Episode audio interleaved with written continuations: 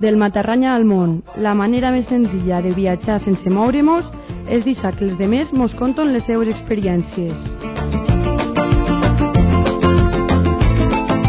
Del Matarranya al món, conèixer la vida a l'estranger, disfrutar dels jovens, saber de la vida dels que fa molt que no veiem. Complicarme la vida, disfrutar y yo. I tu, a on estàs? Quan vaig arribar aquí, el que més me va llamar l'atenció el primer fin de setmana que estava aquí va ser que tenia que anar a fer unes compres al centre i vaig entrar a una tenda i vaig veure que la dependenta estava en els rulos ficats. I després pues, vaig seguir per...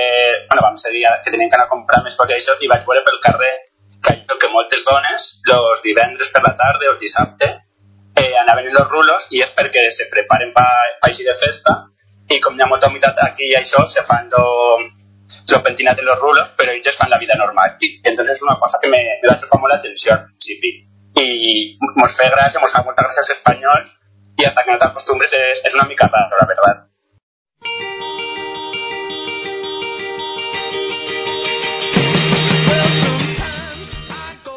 Soc Jesús Lozano, tinc 25 anys, soc de Valderrobres i ara mateix estic vivint a Liverpool, Anglaterra, perquè estic treballant aquí d'assistent de, de conversació d'espanyol d'un institut.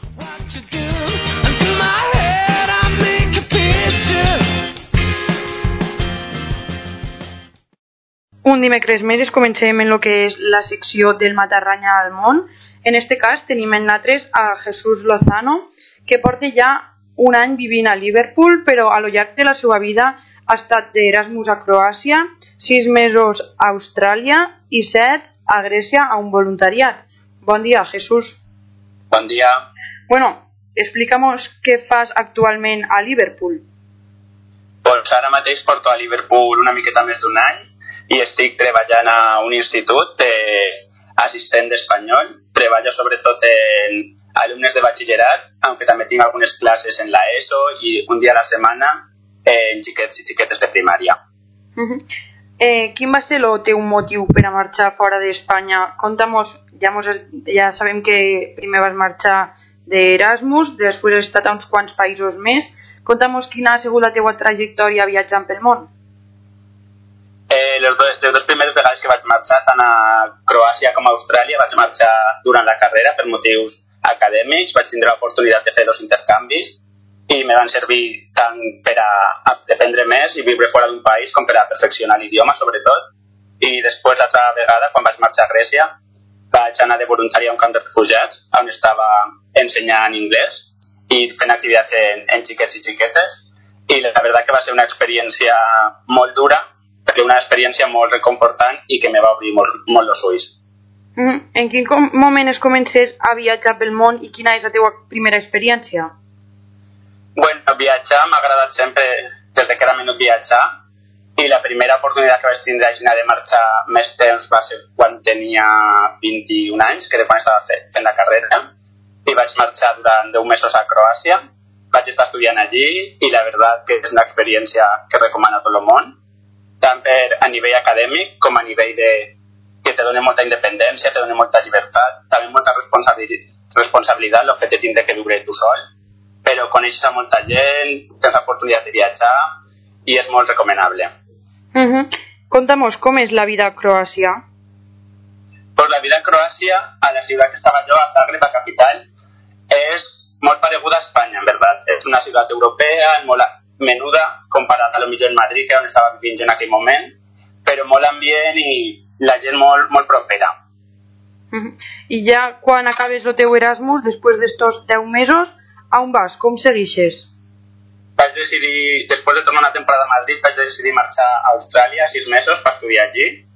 I la veritat que allí la vida és diferent, eh, més diferent que, aunque és una ciutat europea, és més diferent que aquí. És un ambient molt més eh, la vida social al carrer, però no al carrer com podem entendre a Espanya, d'anar de bars o això, més a la platja, més activitats a l'aire lliure i després eh, la principal diferència que vaig trobar allí és que tot és molt, tot molt més car que, que a Espanya. És veritat que els salaris són més alts, però jo com estava estudiant sí que és una cosa que te limita bastant. Uh -huh. I després d'aquesta experiència, eh, si no ens equivoquem, te'n vas de, de voluntariat a Grècia. Com va ser això i què, què vas viure allí? Jo vaig marxar la primera vegada a Grècia perquè tenia que fer el meu projecte de, de final de carrera uh -huh. i vaig decidir fer un documental sobre la situació dels voluntaris als camps de refugiats i vaig estar molt content en el projecte al que estava i vaig decidir tornar després i vaig estar cinc mesos més estàvem a un camp de refugiats al nord de Grècia i, i teníem com un, una escola menudeta on sobretot teníem eh, classes tant per a xiquets com per a adultos i després també teníem un espai per a les dones perquè se sentiren més segures allí per anar i desconnectar una mica de lo que era la vida diària també. Com és la vida d'un voluntari a un camp d'estos? És una vida... és molt reconfortant veure la labor que fas per una part, però també molt frustrant perquè veus que, aunque tu intentes fer moltes coses, no avances, i és una vida molt cansada. A més, nosaltres ho vam disfrutar molt perquè érem un grup menudet i ens portàvem tots molt bé i teníem molta relació amb la gent del camp, en aquest sentit ho vam disfrutar molt. És una vida molt treball perquè tu has de fer tot tu, has d'organitzar tot tu, entonces és una vida sacrificada, diguéssim. Uh -huh. I al final, des, després de totes aquestes experiències, quins són els millors que has tingut per a marxar? Ja ens has comentat una miqueta Erasmus, després vas tindre que marxar pel projecte, però conta'm, quines ajudes reals has tingut per a poder sortir d'Espanya?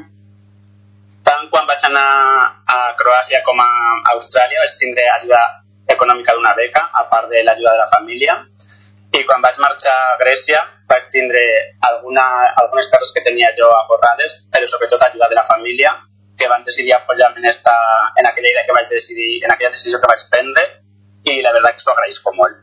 Mm -hmm. En quant a quan vas marxar a Liverpool, quin va ser el moment per a canviar de totes aquestes experiències allà marxar a Liverpool a viure i a treballar?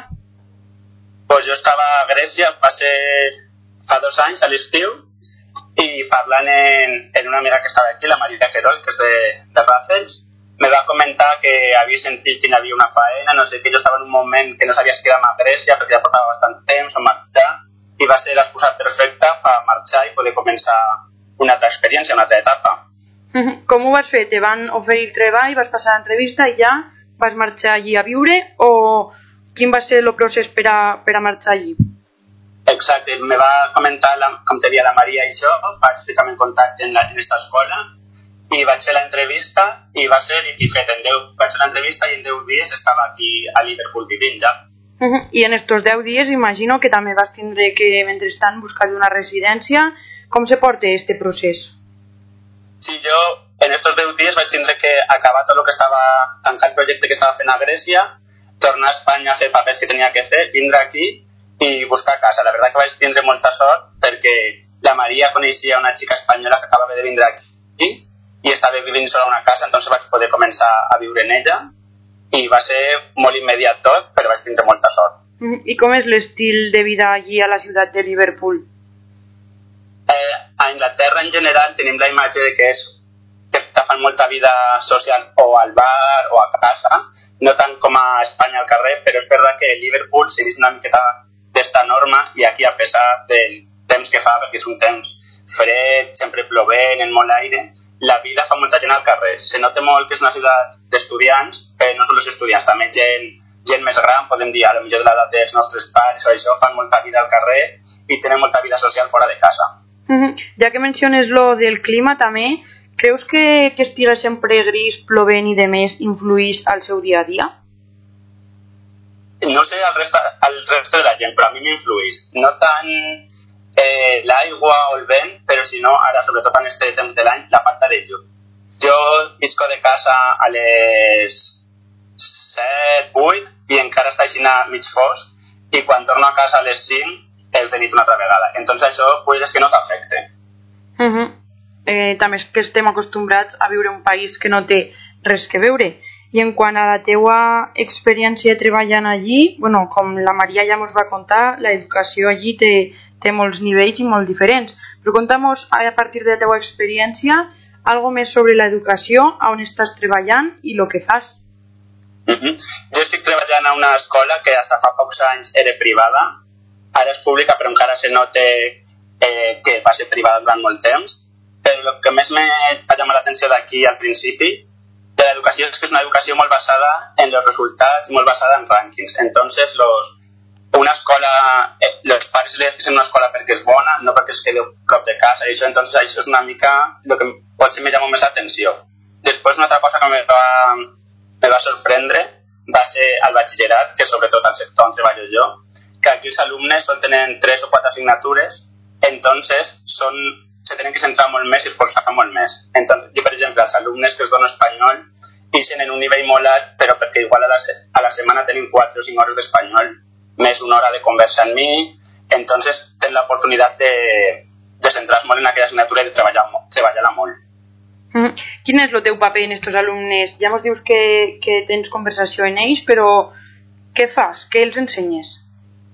Jo, els de batxillerat, en els dos cursos, tinc en ells una hora a la setmana, en cada un d'ells, i són classes de conversació per preparar-se per, a per a seguir la selectivitat, que aquí tenen un, un component de l'examen que, és, que és oral, entonces se tenen que preparar, és com una targeta de diferents temes, mm -hmm i tenen que parlar d'allò i a part d'això se tenen que preparar un projecte d'investigació que després han de defendre davant de l'examinador. Entonces los apoyo pues, en, los dos, en los dos components i després pues, també reforçant una mica pues, la part escrita o la part de comprensió lectora.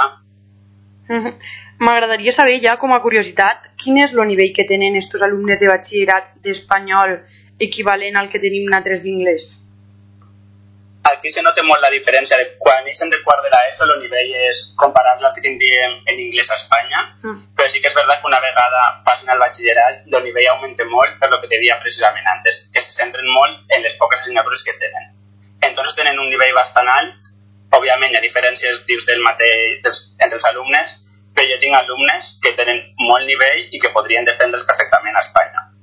Hasta què nivell arriben aquestes conversacions? conversacions Aquí. quotidianes o com va? Sí, poden mantenir conversacions quotidianes. També és veritat que el que ens queixem una mica sempre al sistema educatiu, tant a Espanya com aquí, és que t'ensenyen a lo millor temes que després al dia a dia no utilitzaràs. Però bueno, aquí tenen que dependre, tenen que els temes que tenen que abarcar són tant com ha canviat la societat espanyola en els últims anys, tema família, tema política, etc, el patrimoni cultural, tant d'Espanya com de, de Latinoamèrica, tenen un altre tema que és la història d'Espanya tant de, després de la Guerra Civil, tant la Guerra Civil, la dictadura i com ha, com ha canviat la situació després.